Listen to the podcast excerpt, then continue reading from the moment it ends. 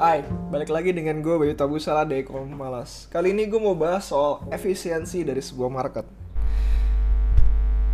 Dari beberapa buku terakhir yang gue baca, gue beranggapan market itu efisien, tanda kutip. Tapi dia tidak efisien from time to time. Jadi secara kolektif mereka efisien, tapi secara dari waktu ke waktu itu bergerak bener-bener bergerak secara tidak efisien sama sekali mungkin gue bisa cerita. Pertama gue dapat konsep ini dari Edward Thorps dari bukunya yang The Man for All the Market.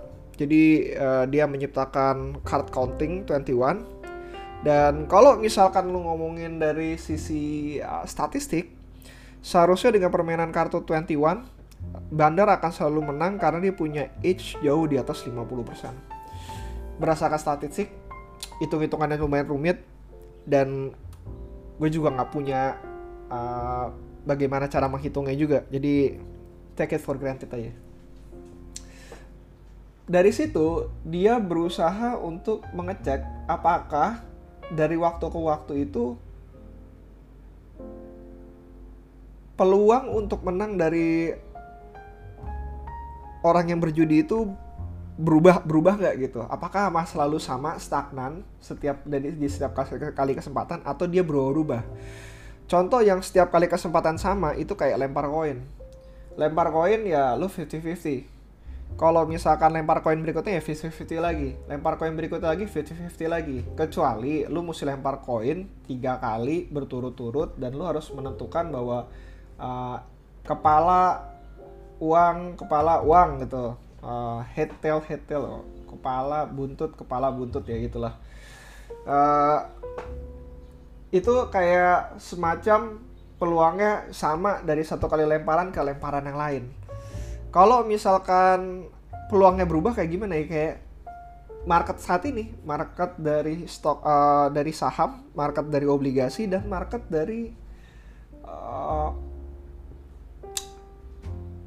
card 21 tadi gitu Kenapa? Karena ya let's say kalau misal kita ngomongin ada semua kartu 52 52 kartu dan ketika lu tahu kartu yang keluar isinya udah angka semua kayak misalnya setengah dari kartu yang keluar adalah angka semua lu tahu dong probabilitas berapa gambar yang ada di sisa kartunya dan itulah yang terjadi ketika lu tahu gambar dari sisa uh, probabilitas gambar dari sisa kartunya ya lu bisa ngebet atau bisa uh, menaikkan taruhan lo karena lo tahu uh, apa yang kartu apa yang bakalan lo dapatkan dan kartu apa yang bakalan dealer dapatkan secara statistik.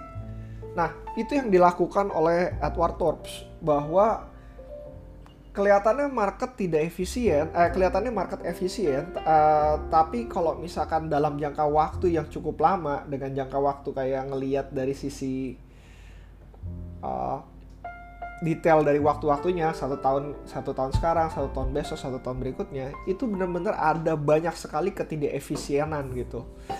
Secara statistik dan collectively dia efisien secara data per data mereka nggak efisien sama sekali. So kita sebagai investor ya berusaha untuk mencari peluang tersebut Charlie Munger sendiri sempat berkata bahwa you are looking for a mispriced gamble.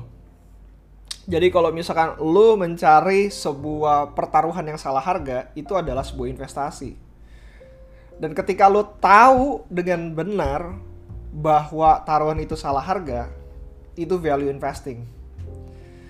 Dan ada tambahannya, yang Anda harus ingat bahwa ide bagus itu sangat jarang ketika peluangnya benar-benar menguntungkan dengan Anda, bertaruhlah dengan uh, sekencang-kencangnya lah. Kalau bisa pakai margin, margin mungkin.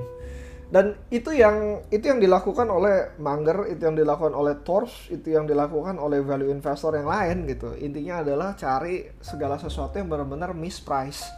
Dan kapan dijualnya ya saat bukan misprice intinya, entah itu dalam kondisi uh, fair value atau itu dalam kondisi yang benar-benar super over value. Dan ketika lu bisa menemukan hal tersebut ya your set for your rest of your life sih. Sebenarnya kayak lu cukup untuk umur hidup gitu aja.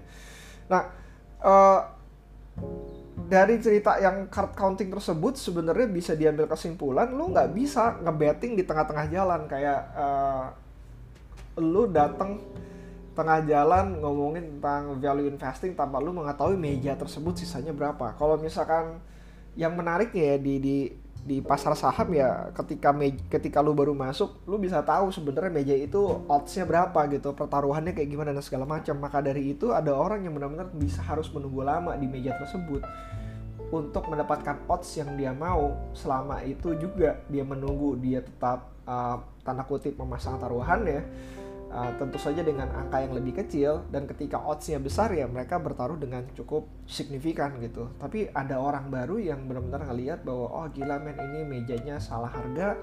Akhirnya dia taruh langsung uh, besar dan akhirnya dia lebih beruntung dibanding yang uh, orang yang berada di meja itu cukup lama. That's life. Dan itulah yang terjadi dalam dalam uh, pasar saham juga. Dan kalau misalnya lo ngelihat kenapa banyak banget orang-orang baru yang bisa lebih kaya dibanding lo ya cek lagi dia taruhannya berapa banyak berapa lama dia duduk di meja tersebut dan bagaimana cara dia melihat atau memperhitungkan meja tersebut menarik ya kalau gue pelajarin dari banyak banget studi kasus dan hampir tiap tahun sebenarnya kelihatannya ada yang namanya uh, peluang untuk mendapatkan keuntungan yang cukup signifikan besar sih. Problematikanya adalah peluang tersebut satu tersembunyi, kedua spesifik, spesifik dalam artian uh, tools yang digunakan memang harus ada dan dealsnya structure dealsnya itu sendiri uh, kayak kelihatannya baru pertama kali ada keluar dan segala macam atau memang eventnya bener-bener kayak 10.000 tahun sekali kali. Jadi bener-bener ketika peluang tersebut hadir dia hadir hanya untuk waktu yang benar-benar cukup sebentar dan bagi yang prepare dia bakalan bisa ngambil. Bagi yang enggak ya udah kelewat aja.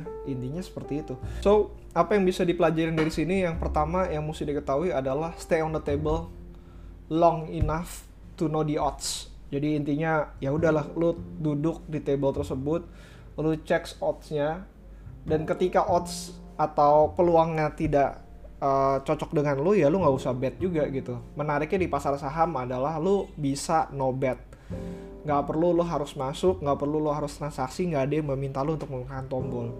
Kalau misalkan di judi ya balik lagi emang lo harus memasukkan uang di situ gitu. Intinya seperti uh, PS juga gitu. Kalau misalkan lo nggak mau tunggu di table tersebut cuma nongkrong doang di daerah luar ya lo pasti uh, bakalan terkena imbasnya juga. Mungkin lo bakalan diusir dan segala macam nah kedua adalah ketika lu benar-benar mendapatkan peluangnya yang cocok untuk lu ya udah bet besar.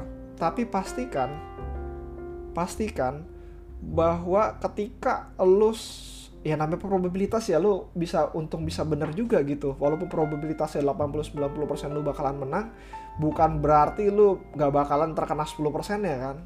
Pastikan lu ngebet lu gak wash out jadi nggak keluar dari permainannya. Pastikan lu bisa bermain lebih lama lagi. Dan ketika oddsnya mulai rendah lagi ya kembali lagi pada mode sebelumnya di mana lu harus yang namanya uh, wait and see.